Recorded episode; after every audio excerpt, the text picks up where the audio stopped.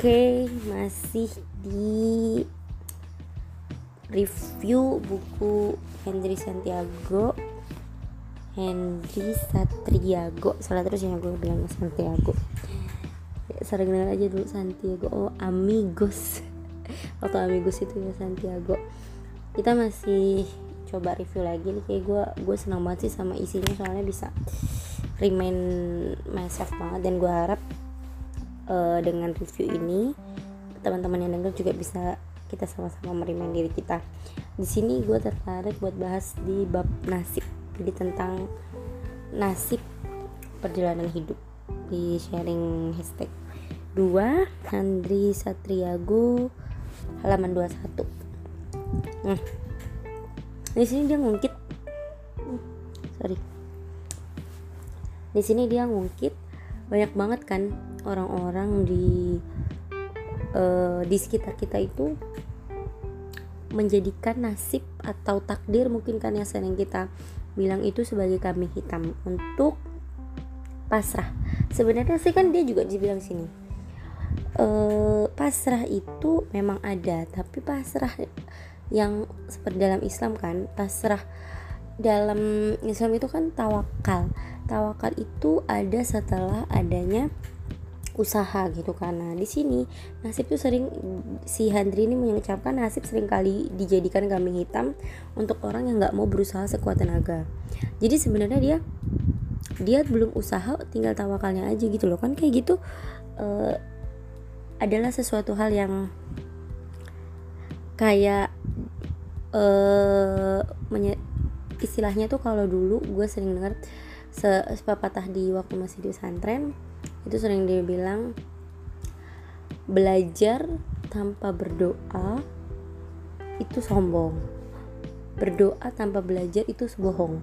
Itu jadi istilahnya kayak gitu. Ketika kita kita berdoa dan berserah aja sama nasib tapi kita sendiri nggak berusaha itu sama aja kita kayak ngejadiin nasib itu kambing hitam dalam perjalanan kita. Jadi kayak sebenarnya kita hanya sendiri ini yang nggak mau berjuang dengan sekuat tenaga gitu.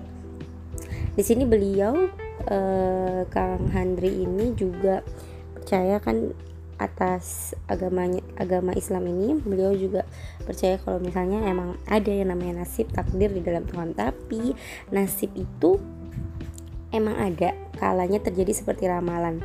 Kebetulan bisa terjadi kayak kita nih ada kan pasti teman-teman? Gue padahal semalam gak belajar loh.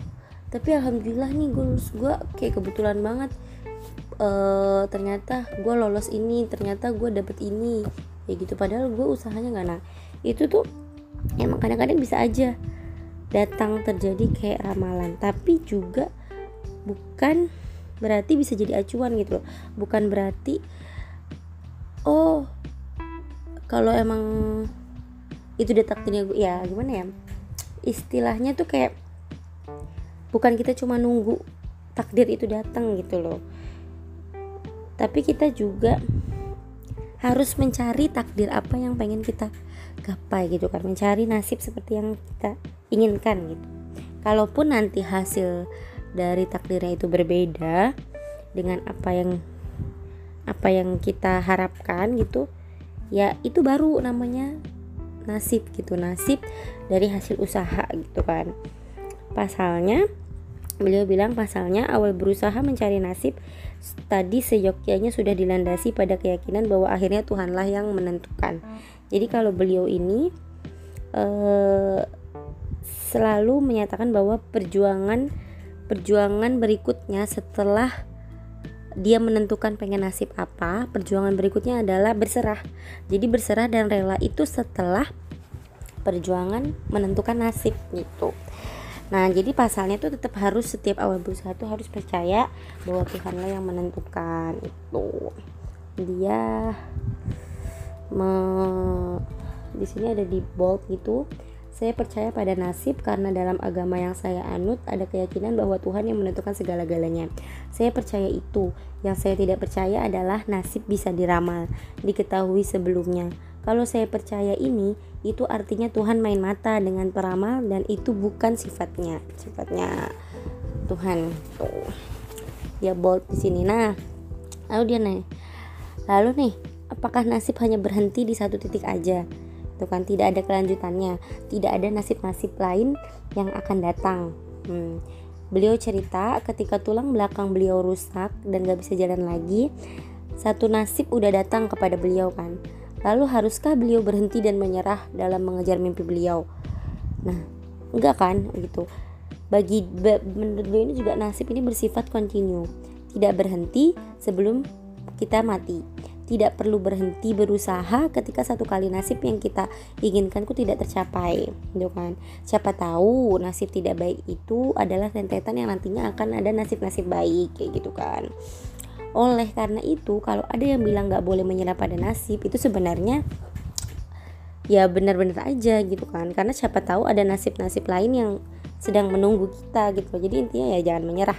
Hampir sama sih kayak uh, bab yang sebelumnya kan dari tentang asa itu kan. Emang kita tuh haram gitu loh untuk berputus asa. Karena kan kita nggak akan tahu usaha kita hari ini tuh apa nanti ke depannya gitu nasib itu biasanya nih kalau yang datang adalah nasib baik tidak dipedulikan dianggap hasil kerja sendiri. Kayak yang pertama tadi udah gue bilang kalau misalnya kita belajar tanpa berdoa itu sombong.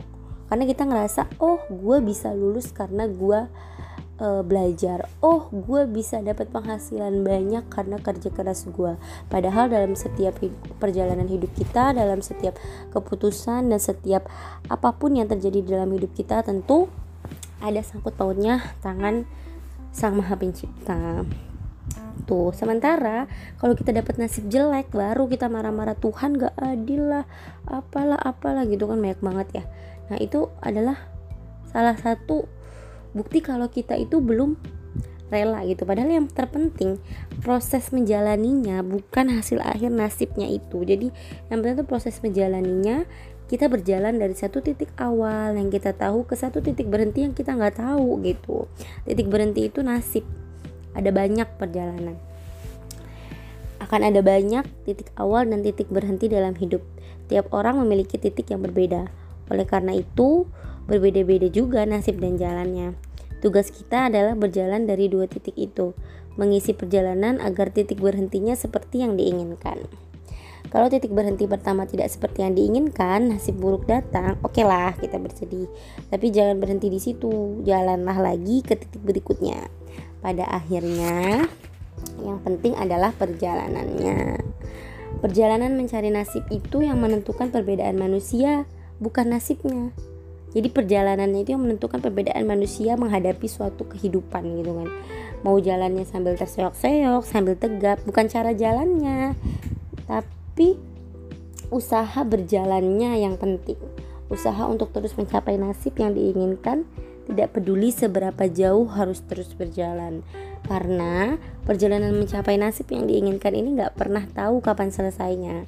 Maka perjalanan tersebut harus dibuat fun, dibuat asik. Jadi biar kita bisa menikmati hidup ya dengan merasakan kebahagiaan kebahagiaan kebahagiaan saat kita meniti perjalanan dari satu titik ke titik lain, menemukan titik berhenti pada nasib kita, kemudian kita akan berjalan lagi mencari nasib baru yang kita inginkan, titik awal lagi kan. Begitu terusnya. Tapi apakah kita akan terus berjalan atau kita berdiam gitu kan sebenarnya. Oleh karena itu hidup harus dinikmati karena kita nggak pernah tahu nasib apa yang akan datang. Apakah yang diinginkan atau yang tidak tambahan lagi kita nggak pernah tahu kapan datangnya sang nasib itu. Dan kita juga nggak tahu kan uh, kita tuh berakhir kayak gimana. Kalau seandainya kita dari awal udah apa ya istilahnya tuh kayak hmm, pasrah terus pasrah sih is oke okay, tapi harus ada usaha gimana ya? Maksud gue tuh kalau misalnya kita udah putus asa dari awal kan kita nggak tahu jangan-jangan kita itu terakhir kalinya apa? Apa ya? Jangan sampai kita tuh mati dalam keadaan putus asa gimana ya? Gimana? Gue nyampe bingung juga sih. Ah udahlah nggak usah. Yang penting gitu. Yang penting di sini di dalam bab nasib ini uh, Kang Hendri ingin menekankan. Jadi nasib apa pun baik buruk dan baiknya itu tuh emang nasib emang takdir. Tapi nasib bukan menjadi kambing hitam kita untuk nggak mau berusaha gitu. Jadi semangat buat semua teman-teman. And aku juga khususnya